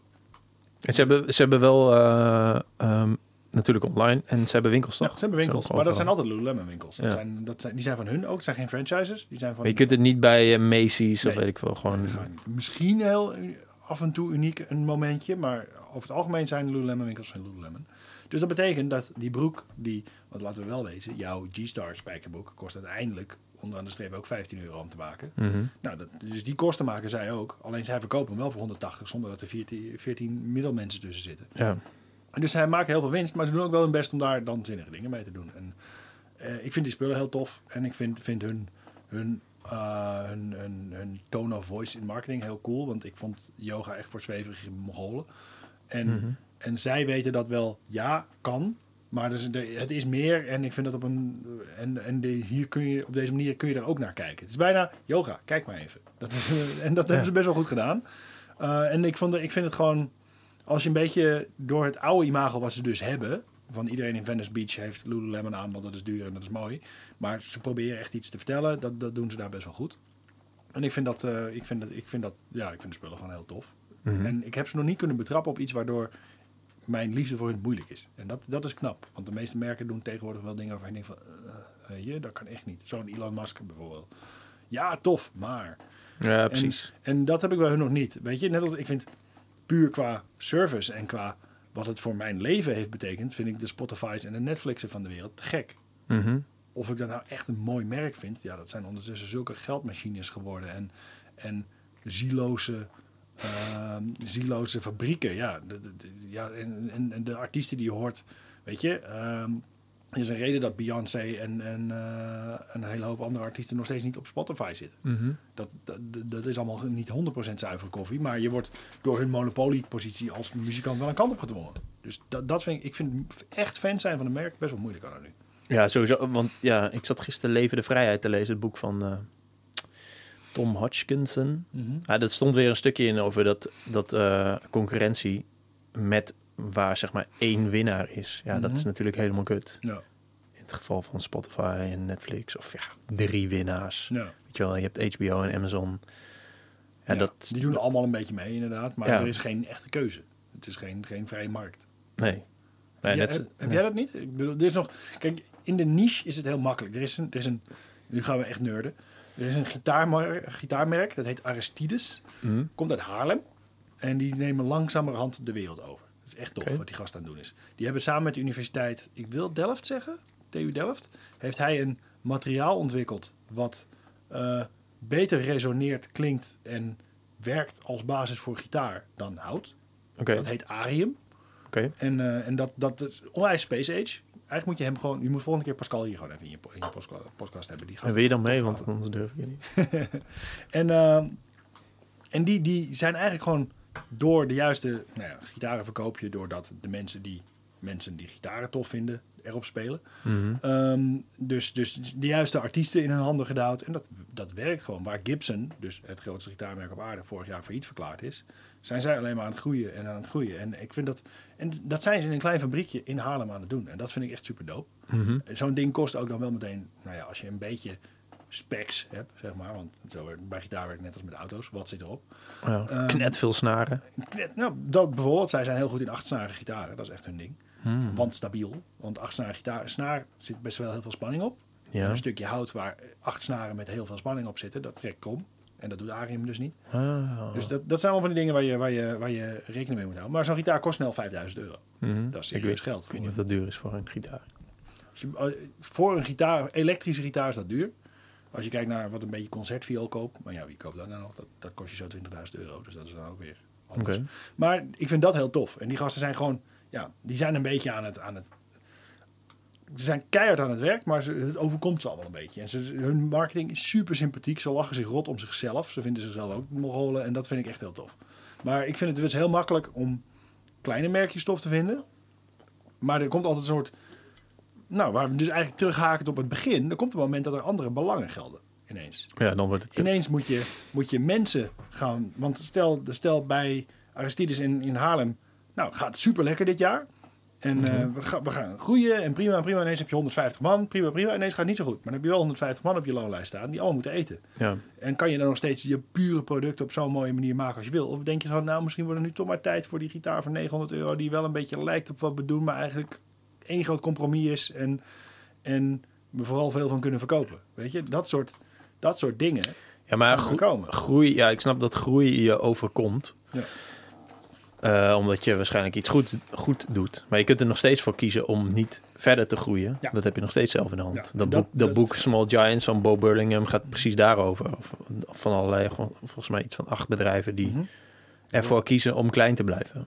En dat zijn natuurlijk niet bedrijven waar je dan van... Ik heb het boek niet gelezen, maar dat zijn geen bedrijven waar je dan van gehoord hebt. Nou, denk ik. Ja, Cliff Bar eh, was ja? een van de voorbeelden. Volgens mij, want het boek is een jaar of tien oud. Misschien dat het inmiddels wel is overgenomen en groter Ik is. die liggen gewoon bij ons in Albert Heijn nu tegenwoordig. Ja. Dus dan ben, je wel, dan ben je wel redelijk groot, denk ik. Ja. ehm, Aan de andere kant, als je het omdraait... eh hebben we het hier vorige keer over gehad? Nee, voor mij niet. weet niet, dat is altijd met podcast Ja. zo. En dat zei Guy ook. Want je weet nooit meer Nee, je- of je iets hebt gezegd. Hebben we het over. Kylie Jenner gehad vorige keer? Weet ik niet. Nou ja, mevrouw Jenner natuurlijk vooral in het nieuws vorig jaar, vorige maand over dat zij eh zelfmade miljardair was. Ja. Wat ik interessant vond aan de achterkant van het verhaal is dat die hele make-up shit die zij doet, doet ze met vijf mensen. ja, dat vond ik ook Zij interessant. besteedt alles uit. En zij houdt het dus klein. Zij zegt ik wil kwaliteitscontrole doen, ik wil product development doen en ik wil be- bezig zijn met de dingen die het bedrijf echt maken. Dus die echt het en, en shipping en handling en dat soort shit. Ik geloof dat zij ze hebben in 2017 geloof ik wat zei ze nou 750 miljoen omzet gedraaid. En alle shipping en handling was één contract met een ander bedrijf-. En dat bedrijf kreeg daar 540.000 dollar voor. Dus Oh ja. weinig geld. Ja. En dat kan dus als je alles uitbesteedt. En je kan misschien wel besparen en meer controle houden als je het allemaal zelf doet. Maar ik vind het echt... Zij, zij doen die shit met z'n vijven. ja, dat is wel weinig. En dat, dat is dus bewust kiezen om in ieder geval qua team klein te blijven. En dan kan je wel als merk blijven doen wat je wil. Want dan zijn er ineens niet 300 mensen die beslissen over wat jouw merk allemaal doet. Nee, ja, dat is al helemaal kut inderdaad. Als je allemaal aandeelhouders hebt die... Ik vind dat Cliff Bar verhaal wel interessant. Want ik, ik heb die vroeger ooit ergens ontdekt. Toen ik op mijn 17 voor de eerste keer in Amerika was of zo. En toen was het vet niche, inderdaad. Ja, want ik... En ineens zie je ze overal. Ja, dat ze liggen nu dus ook bij de Albert Heijn. Maar ja, niet de goede, want die eiwitrepen zijn dunne lekker. Yo, chocola en mint. Welke zijn dat? Ja, je hebt... eh, Het zijn de Cliff Bar protein bars. Zijn dat? Ja. Oh. Ik, ik ben helemaal van de Bear Bells tegenwoordig. Heb je die? Probeer. Nee, Nee? Ik heb ze hier. Wacht. Bear Bells. Ja, Ken je die niet? Nee? Let op. ASMR. Ik- Bear Bells. Dit is eigenlijk niet de goede. Je moet eigenlijk de salty peanut caramel hebben. Maar deze... Stop. Hem in ik ga nu live zeggen. Stop hem in je mond. Eh, Caramel en cashew. Ja, Ja. ik ga dus niet eten Nee? bij Mike. Wie is Mike? maar echt, probeer deze shit. Het is helemaal de shit. En de, Ja, en eigenlijk de moet ik het even- de- ja, de, nu- de nutriënten zijn op Eigenlijk moet ik het even naar Paul Bosma sturen. Want hij, hij zegt dat... Die vindt daar dingen van? Ja? Nou, hij, hij vindt dat het... ehm, Iets wat goed is, kan niet lekker zijn, is dat? Want Zo voelt dit wel. Het voelt alsof je Snickers aan het eten bent. Ja, daar komt het ongeveer op neer. Omdat er heel veel eh, ehm, van die eh, eiwit, proteïne, maaltijd dingen zitten, poliolen en, dat, en allemaal shit die eigenlijk je... hey, je lichaam kan er wel tegen. Je moet gewoon heel vaak kakken. Maar dan moet ik toch wel. Dus Dat is, zich- dat ja. is eh, ik weet niet of ik het kan vinden. Waarvan poliolen staat er altijd bij. Oh ja? Eh, ja, zie je, 20 gram eiwitten in één reep. Of 20, eh, zeg ik dat goed? Oh nee. Ja, dat zeg ik goed, maar ik had het over vezels. 4,3. Nee, dat, volgens mij is dat wel prima. Ja, voor mij, want iedereen die hier naar kijkt zegt altijd, ik, ik ben geen voedingsexpert, ik weet het hier ook niet, maar iedereen zegt altijd, oh, dat valt mee. Niemand verwacht meer dat iets wat lekker is goed is, maar dit is in ieder geval niet slecht. Ik eet deze ook meer op de momenten dat ik, dat ik in 2009 een Snickers zou eten. Ja, ik heb, eh, ik heb ooit een keer een artikel geschreven over eiwitrepen, dat het voor idioten is. Omdat Mhm. ik, eh, net zoals dat ik vind dat hardlopen voor idioten is, Ehm, dat is natuurlijk overdreven. Ik vind eiwitrepen inderdaad... ehm, dat is vaak chill voor een, eh, voor een ehm, tussendoor. Ja. Alleen je moet er niet veel aan denken aan eiwitrepen. Moet niet een eh, onderdeel van je leven worden. De eiwitreep. Dokter, ik heb een probleem. Ik denk te Ja. veel aan eiwitrepen. Nee, ja, er was een keer een artikel dat ik las van iemand die dan vond... Ja, als ik een, Dan moet je eh, ook serieus over je leven gaan nadenken. hoor. Als eiwitrepen een, een substantieel deel van je Nee, van mensen die zo'n doos eiwitrepen meenemen op vakantie, Oh, zeg ja. maar. Eh, ja, het, het is heel logisch als je gewoon een paar eiwitrepen in je tas pleurt of zo. Mhm. Omdat, ja, ehm, zeker onder eh, de plek onderweg, daar is nooit wat Ja. voedzaams te eten. Mhm. Ehm, dus ja, dat is wel slim. Maar als het, dus, als, je, als, je, als het een item wordt wat je meeneemt, een doos eiwitrepen een item wordt wat je meeneemt op reis, ja, Dat vind ik ook wel heftig. moet je zelf weten. Ja. Maar je bent wel een. Nee, Ja, maar... precies. Moet je zelf weten, maar wij vinden er iets van. Ja. Nee. Nee, maar dat is, dit, dit is ook de, de tegen de wegtrekker. Ik heb altijd iets in, te eten in mijn tas, want anders raak ik in paniek. Want ik heb het niet nodig, want deze zit waarschijnlijk al vier weken in mijn tas. Stop hem in je mond. Enjoy. ja, maar ik moet ze wel hebben. Dat, zo ben ik dan wel weer. Want als ik ze niet in mijn tas heb, Waar kun je deze kopen dan? gewoon de appie. Bearbell. Oh, hè? Ja, het is, Oh. nieuw, het is wel nieuw bij de appie hoor. Want maar- het heeft echt heel lang geduurd voordat de supermarkten eindelijk een keer eh eiwitreepjes gingen. Want die Ja. Cliff Bars bij de Albert Heijn, Mhm. daar is geen enkele een eiwitreep van. Dat zijn allemaal van die muesli-repen. ja, meestal wel ja. Terwijl ik altijd denk, wie de fuck heeft een muesli-reep nodig? Behalve wielrenners in de Alpen. Precies, die koop ik dus ook precies om diezelfde reden. Ik vind ze lekker.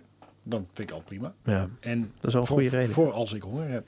Oh, ja. Dat is het. Niet omdat ik allemaal dingen wil aanvullen. Nee, ik heb zin om te chappen. Maar dan je bedoelt de eiwitreep of je bedoelt die... Nee, dat, die- ja, eigenlijk ver- ver- dat vervult bij mij allemaal dezelfde rol. Ik heb Ja. honger. Ja, precies. Ja, Oké. Ja, ik heb daar niet een specifiek, specifiek gaatje in mijn dieet wat ik daarmee probeer dicht te stoppen of zo. Past... eh, ja, oké. Ik heb Oké. geen eiwitreep voor mijn gaatje. Hier zit nog een eiwitreepgaatje. hey, maar dan draai me even om, want ik heb net een, een veel te lang en on- onsamenhangend relaas over merken gehouden. Maar heb jij merken waar je dan heel erg fan van bent? En dan mag je niet Go Rock zeggen. Dat mag niet meer, Rock. Want dat hebben ze heel goed gedaan.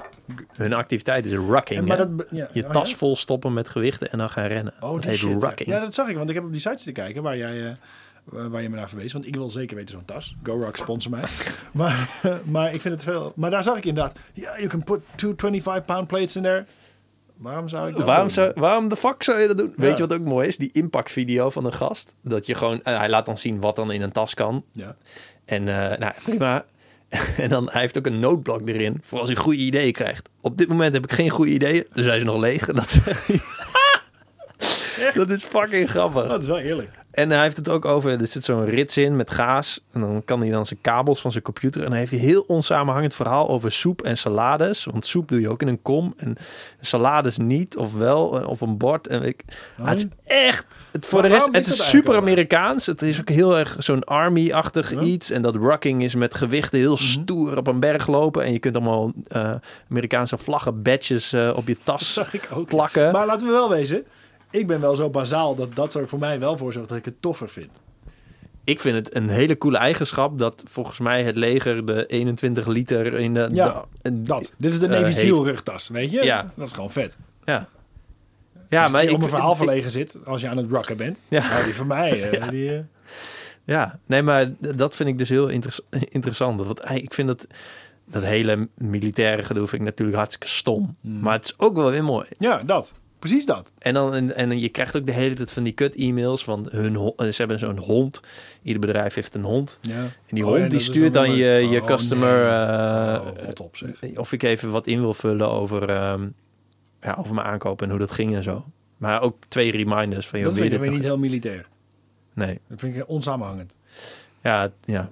Is maar een- goed, het is een, knet, ehm een knettergoed product. Omdat Mhm. je, je hebt ook levenslange garantie en zo. En als iets stuk gaat, dan maken ze het allemaal gratis voor je. Net zoals de Rimowa bijvoorbeeld. Wat trouwens onderdeel is van dat hele luxe... Zo, je hebt zo'n overkoepelend merk waar allemaal... allemaal eh, luxe merken onder hangen. Mhm. Ge- eh, eau de toilet, Ja, Prada en zo, die zit allemaal onder. Ja. Louis Vuitton zit allemaal En daar zit het zo'n Rimowa dus ook bij. Oh ja? Ja, maar dat is, ik, ja, ik weet je, ik ben gewoon, ik ben ehm, niet per se fan van ehm, eh, merken, maar ik vind, er zijn wel dus heel veel dingen die ik al heel vaak of heel lang gebruik, omdat die Mhm. shit goed is. Ja. Nou, dat vind ik sowieso heel belangrijk. Ik bedoel, je product is je merk over het algemeen. Of je product nou een service is of daadwerkelijk spullen. Ja. Dat moet kloppen. Dus daar, daarom begin je er überhaupt mee. Ik, ik denk dat als je op een gegeven moment de 18 gepasseerd bent, dat je heel weinig nog dingen koopt. Puur alleen omdat je, omdat je daarover gehoord hebt of dat je het tof vindt. Weet je, hoe, hoeveel, Ja. hoeveel Pepsi verkocht Michael Jackson nou precies? Mensen vonden het nog steeds Pepsi smerig. Ja. Ja, dat, dat werkt gewoon niet zo. Ehm, maar dan daarnaast, inderdaad, vind ik om fan van een merk te worden, moet het ik, ik bedoel, ik- Coke Zero is de shit. 100%. Ben ik fan van Coca-Cola? Vind ik heel eng om te zeggen. Ja, dat, maar dat, ja, dat vind ik ook. En ik vind het veel makkelijker om fan te zijn van het kleine teampje van Go Rock die met z'n allen rugtas aan het naaien zijn, met Ja. de hond ernaast. Dat is super tof. Maar dat ook Made veel in. America. Ja, dat. Dat is, dat is ook, ja. Freedom in the bag. Ja, dat, dat, dat, is veel makkelijker allemaal. ja. Maar volgens mij is er een soort, soort cut-off point. Dat je op een gegeven moment, als je het over auto's hebt, vind ik Mini heel tof. En alles wat ze doen. En ook qua. Maar ja, het is ook van BMW. En het is ook gewoon een groot merk wat ook gewoon maar auto's probeert. ja wat is ook gewoon een soort van je? conceptje gecreëerd Ja. is. Ik ben fan van Guy Droog. Ja, het merk Guide Road. Ja. ja. Ja, Het, is wel cons- het is wel een consistent merk. Ja, het is wel met- heel Met consistent liefde aan gewerkt wordt. Dat denk ik wel. ja en het doet van alles. En niet, niet alles gaat, gaat ehm, Vanzelf. vanzelf. En het past ook niet allemaal bij elkaar. Ja.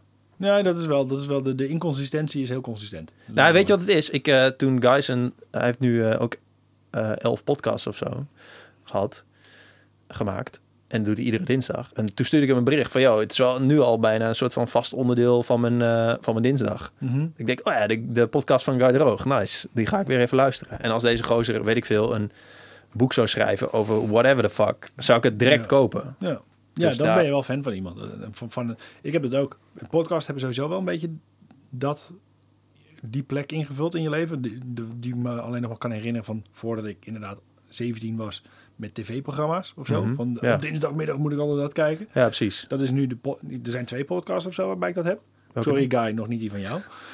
Eh, ja, eentje, eentje is echt een nerdy MMA-podcast. Dat zijn twee gasten die grappen maken over whatever er die week in de Oh. MMA-wereld gebeurt. Eh, de Co-Main Event podcast, wel echt heel leuk. Echt heel goed. En eh, die doen ook, wilde ik met jou over hebben, die doen een boekclub. Dus Ah. dat gaat helemaal niet over MMA. Die gaan nu Fletch doen, dat boek. Eh, gaan ze eh, 30 augustus bespreken. Super tof, dat moet je echt luisteren. Oké. Shit is cool. Ehm, en de, die andere is Waypoint eh, Radio. Dus Waypoint is het gamingkanaal van Vice. Oké. Die hebben op maandag en op vrijdag hebben ze, hebben ze een Waypoint Radio episode. En dan gaan ze eigenlijk op maandag bespreken ze wat ze dat weekend gespeeld hebben. En, en wat ze daarvan vinden. En eh, op vrijdag wat ze die week gedaan hebben. En wat er. eh, en dat gaat over games en dat soort dingen. Alleen zij weten het allemaal heel politiek te benaderen. Waypoint is denk ik misschien nog wel het meest linkse kanaal van Vice. Wat echt soms wel op mijn jeukfactor zit. Want ze gaan daar heel ver in. Soms niet. Maar ze hebben wel interessante gesprekken. Hmm. Vorige week, dat is grappig, want dat haakt heel erg in op het vorige gesprek wat wij hier hadden. Eh, ik probeer het heel kort te maken. Vorige week had een van die redactieleden had een artikel geschreven over eh, e-sports. En dat daar een problematisch figuur was die door een grote e-sports eh, bedrijf werd ingehuurd als jurylid. Maar die jongen die heeft gewoon een verleden van racistische opmerkingen en echt verkeerde tweets en dat soort dingen. En, en die staat er ook gewoon achter. En hij was nu enorm Alex Jones fan ook. En dat, dat Mhm. bleef hij. En dat bedrijf dat had hem toch geboekt om, om eh, jurylid te zijn voor een event in New York. En die redacteur van Waypoint vond daar wat van. En die, die, die had het bedrijf ook geprobeerd te benaderen van... ja, wat vinden jullie daarvan dat hij nu eh, eigenlijk voor jullie merk staat? Hij zegt, nee, daar heeft hij niks mee te maken. We huren hem gewoon in, dat is een freelancer. Nou, dat is een nogal makkelijke manier om zoiets opzij te doen. Ja. Dus het ging een beetje over... wat is nu de... Wat is nu de eh, de, de beste om hierin te doen. En wat zegt het over onze categorie? En hoeveel moet er nog gebeuren voordat we gewoon normaal doen met z'n allen? Daar, daar ging dat artikel over. Maar die jongen is best wel, die, die schrijver van Waypoint Radio, is, ja, dit is een Vice-kanaal. Dus die jongens zijn heel erg bekend. Ze hebben allemaal tweet, eh, Twitter-accounts met geloof ik 300.000 plus eh, volgers. Ja. En ehm, blijkbaar, en dat wisten zijn collega's ook wel van hem, hij heeft hij in het verleden, toen hij 2021 was, was hij niet een eh, modelstudent. En hij zei ze- over zichzelf een shitty white boy. Ja. En toen kwamen er dus een soort stortvloed van de alt-right over hem heen. Met foto's uit zijn verleden waarin hij allemaal bullshit had gezegd over... over, zijn, over dat ging dan over zijn eigen vrouw, maar wel hè, misogynistische opmerkingen. Hij kreeg echt een... een Die redacteur kreeg Ja, dat. ja, kreeg Zo van, je, je bent je zelf. bent zelf. Oh, ja. ja. je- letterlijk, je bent zelf. En die gast die heeft dus op die, op die eh, uitzending, dus hebben er een extra uitzending voor inge, heeft hij dat ook gezegd van ja, en daar ga ik ook niet, dat klopt. Dat was ook niet oké. En, dat was, en ik vond het een super heftig moment in podcastland. Waar hij zei van, jullie wisten het allemaal. En ik ben hier altijd wel open over geweest. Maar om het nu zo hard in mijn gezicht terug te krijgen. Eh, super confronterend. En ik kan ook niks over zeggen. Behalve dat ik was toen raar. En dat, dat eh, ik heb geleerd. En ik, ik heb, eh, het is niet dat hij in, bij de Ku Klux Klan zat. Maar hij was gewoon 21. En, en hij was zo iemand die, die zijn vrouw bitch noemde. En, en zijn vrienden zijn niggers. Terwijl hij gewoon een blanke jongen was uit Connecticut. Weet Ja. je? Dus dat soort fouten had hij gemaakt. En, en, en in die uitzending wilde hij daarover praten. En was hij daar ook eerlijk over. En zei hij ook van, ik snap dat mensen teleurgesteld in me zijn. En dat het misschien moeilijk is. En ik hoop dat jullie begrijpen dat, dat ik geleerd heb. Dat ik niet meer die persoon ben. Maar ook niet doe alsof die persoon niet bestaat. Bestond, bestond. En als je daar vragen over hebt, dan moet je mij gewoon mailen. En dan wil ik daar graag over praten. En dat soort dingen. Het was een super eerlijk moment. Dat vond ik wel echt heel tof. Ja, maar sowieso vind ik dat altijd... Dat, ehm Jiggy J heeft het daar altijd over. Over vroeger en nu. Dat, dat, Mhm. dat wat je vroeger deed. Ja, inderdaad. Als je, als je zegt van ja, ik ben niet meer die persoon. Dan Nee. is het eigenlijk gewoon prima. hè? Terwijl die andere gast waar die redacteur het dus over had. Ja. Als hij er nog steeds achter staat wat je zei. Ja, Dan is het op dit moment... ja. nee, Kijk, maar dat ik is kakte zo. vroeger ook in mijn broek. En, eh, en ik ging janken om niks.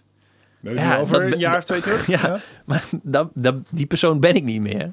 Je kunt toch niet op... Nee. Nee, maar dan kun- en dan zeggen mensen, ja nee, maar toen was je kind en eh, je bent eh, volwassen geworden. Ja, dat word ik als het goed is tot aan mijn dood. Ja. Dus je verandert de hele En tijd. dat is dus wat er. En ik denk dat het wederom, zoals we het vorige keer besproken hebben, dat dat in Amerika heftiger is dan hier. Maar dat wordt dus niet geaccepteerd, want dan ben je dan draai je. Er is op een gegeven moment, je bent op een gegeven moment, denk ik, als je 16, 17 bent, Dan ben je af. dan ben je af. Ja, Dan ben je klaar. Dit is wie je bent. Klaar. Whatever ja. je nu zegt, daar Tot gaan aan we je aan houden. Ja. En, en als je daar van afwijkt, dan is dat geen ontwikkeling. Dan is dat draaien en dan is dat, eh, dan is dat gewoon voor je eigen gewin proberen te profileren. Mhm. Terwijl dat is dit niet. Dit is gewoon iemand die leert. Ja. Inderdaad, letterlijk wat jij zegt. Maar de hele, zeker de online cultuur is natuurlijk, nou ja, is, is oorzaak-gevolg. Dit is toen groen, dus het moet altijd groen zijn. Als jij nu zegt het is blauw, dan kan dat niet. Dan is het jouw fout. En, en hij, kreeg, hij heeft geloof ik over, over dat weekend heeft, heeft hij geloof ik 1,7 miljoen tweets in, in DM's gekregen of zo. Dus dat is helemaal, helemaal ontploft. Want ja, ja hij, hij kreeg een soort aanval op zijn... Ja, maar dan is je DM gewoon stuk. Oh nee, in het nieuws. komt nou ja, natuurlijk. Twitter moest het afsluiten voor hem. Ook gewoon van jongens, dit gaat even niet goed en dat moeten we Ja. En, en dan wordt het, zijn vrouw werd er ook bijgesleept en zijn kinderen en allemaal super nare shit. En, en ik vond wel de manier waarop je dan denkt van oké, maar ik moet niet doen alsof dat oké was. Ik moet nu wel zeggen, dat klopt ook. Mhm. Dat was niet cool. Het was echt, dat moment in die podcast vond ik echt heel tof. ja. Dus Waypoint Radio, luister daarna. Ah, oké. Dat was eigenlijk hoe we hierop kwamen. Ja. En de vraag was van wie ik fan ben. Van wat ik Dus fan zo ben. zijn we bij Guy Droog gekomen en zo zijn we hierop gekomen. Ja. Ja, weet niet. Ja, ik dus weet Guy. Droog moet gewoon maar alleen maar spullen gaan maken en dan ga jij ze kopen. Ja, gewoon dingen doen. Persoon. Wat Dingen zeg je? doen. Ja? Ik bedoel, als hij nu ook kleren gaat maken, dan kan jij zijn kleren kopen. Als Nee, want als ik hij vind- een huis te kopen heeft, ga jij dan zijn huis kopen? Nee. Want je hebt Nee, huis. nee, nee, nee, maar zo werkt het niet. Want ik Oh. bedoel, hij, ja, hij eh, wordt gesponsord door Under Armour. Ja. Ik vind het nog steeds lelijke, lelijke kleding. Ja. Dus je, Under Ik had laatst wel, om zat ik zo een beetje zo met mijn, met mijn eh, middelvinger, wijsvinger en duim zo te voelen aan zo'n broekje bij de bijkorf. Toen dacht ik, oeh, lekker stofje. Ja. Dus misschien eh, dat ik binnenkort wel een broekje, een broekje heb van Under. Armour. Ja? Ehm, ik ben trouwens op zoek naar trainingskleding eh, met ritjes, ritsjes in de broekzakken. Dat vind ik chill. Ik heb al te veel Lululemon gezegd in deze is podcast. Maar voor mij hebben die gewoon korte broeken met ritsen. Ah, dat zou chill zijn. Ja. Ehm, dat. En eh, ja, ik ben ook fan van de, de podcast over media. Van Alexander Kluppingen en Jean Mhm. Fout. Ja. En dat vind ik, als, als die tussen staat, wil ik hem altijd zo snel mogelijk luisteren. Dat zijn eigenlijk de enige twee podcasts. En verder, ja, ik, ik luister wel andere podcasts, maar ik, ben, ik heb niet zoiets van, wow, deze is er weer, yes! Nee, de rest is bijna altijd soms maar weer eens proberen. En dan is het een beetje hit or miss ook of zo. Het is, heel, het is ook super moeilijk om consistent te zijn natuurlijk. Om iedere week weer ten eerste een ver- verwachtingspatroon in te vullen. Want op een gegeven moment ga je, je gaat naar die podcast luisteren waar je fan van bent. Oh omdat ja, je ding uh, Philosophize This heeft dat ook. Oh ja. Die luister ik ook allemaal.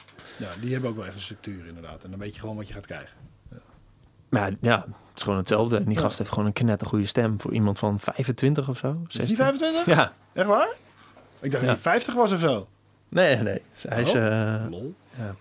lol. Ik support hem ook op Patreon. Oh. Ehm, ja, verder... eh, fan van een merk. Ik weet het niet, man. Ja, en dan heb ik het vooral inderdaad over echte grote wereldmerken kan bijna niet. Weet je, we zitten nu bij Salto.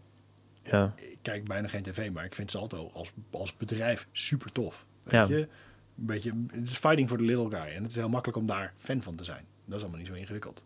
Eh, ik, ik, ik, ik ben zelden ondertussen, hè, millennial side note, zo iemand die, die als een restaurant of een, of, een, of een bar of een weet ik veel wat er te veel uitziet alsof het misschien een franchise is, dan hoef ik er al niet zo nodig heen. Dan denk ik, "Ugh." Ja. Weet je?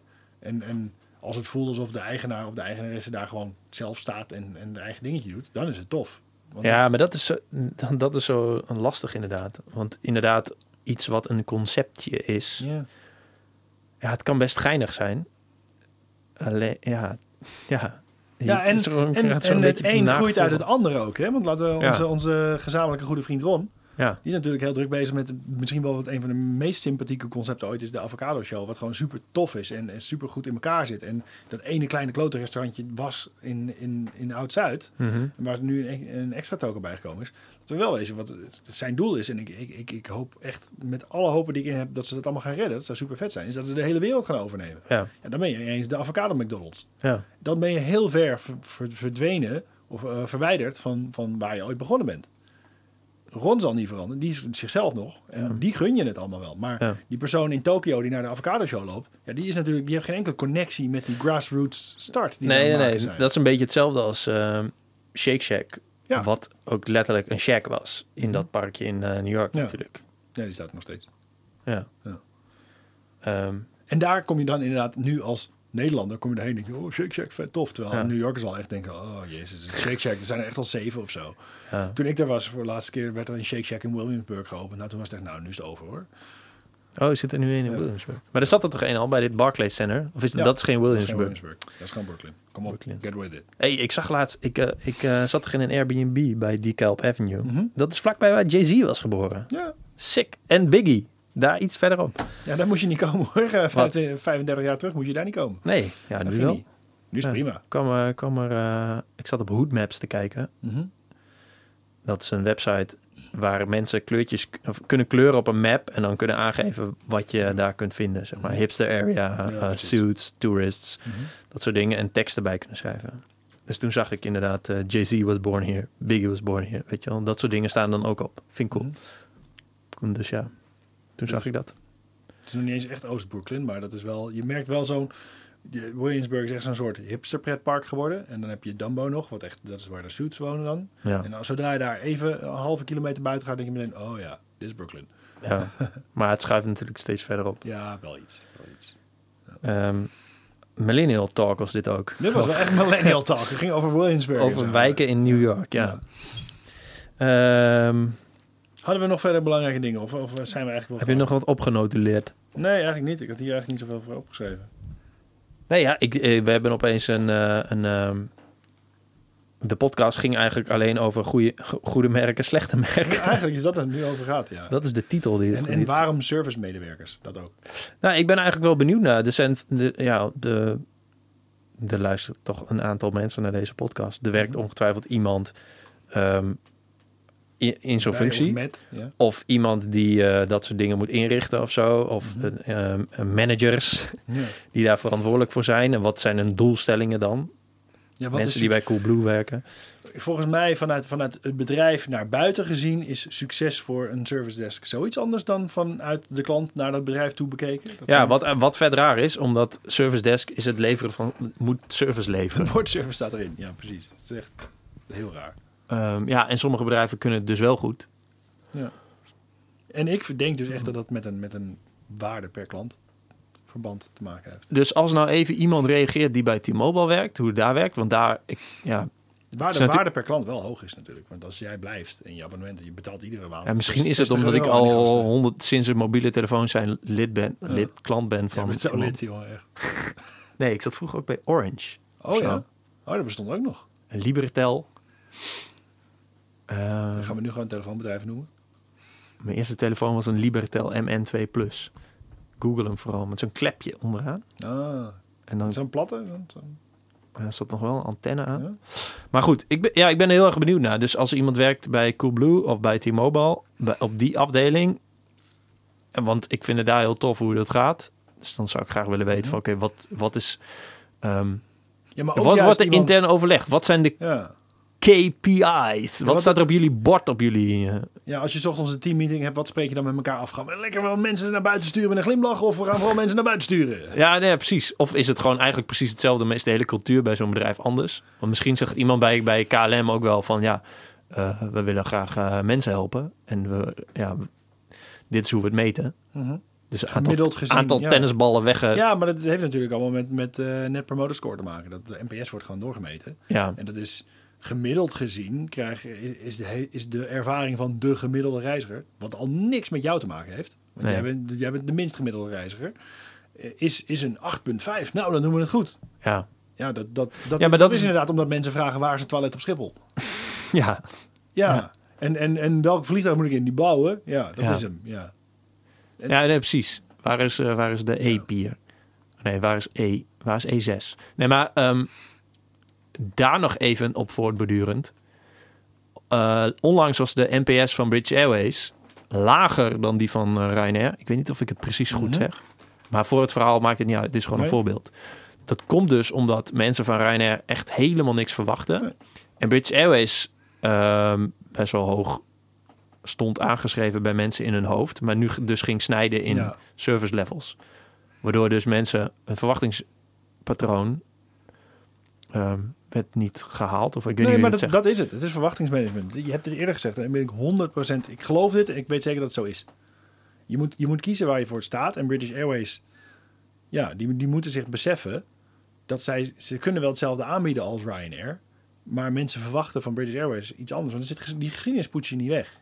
Nee. Je, je, je komt ergens Nee, maar je kunt ook niet eh, eh, hele, ja, gewoon eh, die branding helemaal zo doen en dan alsnog een kutproduct aanbieden. En best wel hoog. Ook, hoog- dat, hoog- dan ga je ook nog eens een keer scheef. Maar stel dat je zelfs met de gewoon... Wij zijn nu British Airways. We doen bijna alles hetzelfde als Ryanair. En ook, ook qua branding en dat soort dingen allemaal. Dan Ja, nog steeds is de verwachting... Je, je, je bent niet zo naar binnen gekomen. Je hebt, je hebt een stukje legacy wat je met je meeneemt. De KLM heeft volgens mij heeft dat het laatste jaar wel redelijk bijgedraaid. Die hebben volgens mij best wel een slechte periode gehad ook. Waar ze dachten van alles moet goedkoper. En ik heb het idee dat het nu weer iets beter is. Ja, ik weet het niet. Ik ben er ook heel erg benieuwd naar als iemand. eh, Maar ja, Ryanair, je weet het is kut. Je zit daar, ja, is kut, klopt. Ja, weet je, je, je, hebt gekocht wat je dacht te, te gaan kopen. En dat, dat is waar het in zit. ja. Er zijn, daarom zijn mensen, eh, ken je dat? Er is zo'n automerk van Renault, hoe heet die ook alweer? Dacia. Mhm. Dat zijn oude Renaults dan, maar die worden in Polen gemaakt. En dan kan je voor 6000 euro een nieuwe auto kopen. Oké. En dat is de Ryanair van de, van de automobielwereld. maar dat, dat weten ze, dat omarmen ze in hun marketing. Voel je dat ook van, waarom zou je godsnaam meer betalen is hun hele ding. Ja. Want je hebt toch ook nu ook vierwielen. Stof toch? Kijk Ja. eens even die buurman uitlachen met die, die vier keer zoveel betaalt. En daarom, mensen zijn fucking fan van dat merk. ja. Want die zijn gewoon heel straightforward. Ik bedoel, je wil niet dood geworden, gevo- gevonden worden in zijn auto. Behalve als je daarvoor kiest. Ja. Dat is dat Ryanair verhaal ook, denk ik. Ja, precies. Maar misschien, laat het dan afronden en bij mezelf houden, heb ik gewoon, moet ik mijn verwachtingen bijstellen. Bij mijn verhuurder en bij KLM en bij Budget Air en bij... Nou, ik denk bij KLM en Budget Air misschien. Daar denk ik misschien wel. Bij je verhuurder weet ik niet. Want hoeveel, hoeveel betaal je die gasten per maand? Best wel veel. Mhm. Waar denk ik een redelijk percentage van direct in hun zak gaat en niet verder naar kosten of zo. Ja, dat is waar. En eh, je hebt een contract met hun waarin staat als dit, dan dat. En Ja. in het geval van als er problemen zijn, moeten jullie die verhelpen op een fijne, prettige, adequate manier. Ja. Dus ik denk juist dat je die verhuurder, dat, dat we die wel even, even in, Als een in de kop brand mogen mogen trekken, zetten. ja. Ja. Nee, dus dat denk ik. Oké. En NVDM of zoiets. Nou, als die dan ook eventjes luistert en eh, Ja. mij eh, dat komt vertellen. En dan moet je eerst een e-mail sturen, krijg je een ticket. Ticket podcast. Mail het. eh, Nee, nee. Niet allemaal doen. nee, zeg, maar- doe maar gewoon op Twitter. Ik heb best wel een adequate helpdesk op Twitter. Offers support. Oké, ja, dan was dit hem denk ik dan. Ja. That's what she said. Bedankt voor het luisteren, lieve mensen. Eh, Max, wil je nog iets kwijt? Heb je nog een uitsmijter Het spijt me. voor alles? Alles. Alles wat je hebt gezegd. Ja. Vooral over die gitaar. Dat was echt saai. Oké. nou, bedankt voor het luisteren. Tot de volgende keer. Eh, volgende podcast, eh, dames en heren, is de season finale. Ja, ik ga op vakantie. maar hij is met Arie Boomsma. super vet om dat op die manier te presenteren. Ja. Well done. Maar eh, nu, nu lacht hij erheen. Hij is dus met Arie Boomsma. Dus ik hoop dat jullie allemaal luisteren. Dus nu moeten jullie allemaal abonneren. En dan... eh, Dus ik ben het voorprogramma van Arie Boomsma. eigenlijk wel, ja. Story of my life. Ja. Dat is- ja. Dus eh, ja, bedankt voor het luisteren. Tot de volgende keer. Doei! Dag.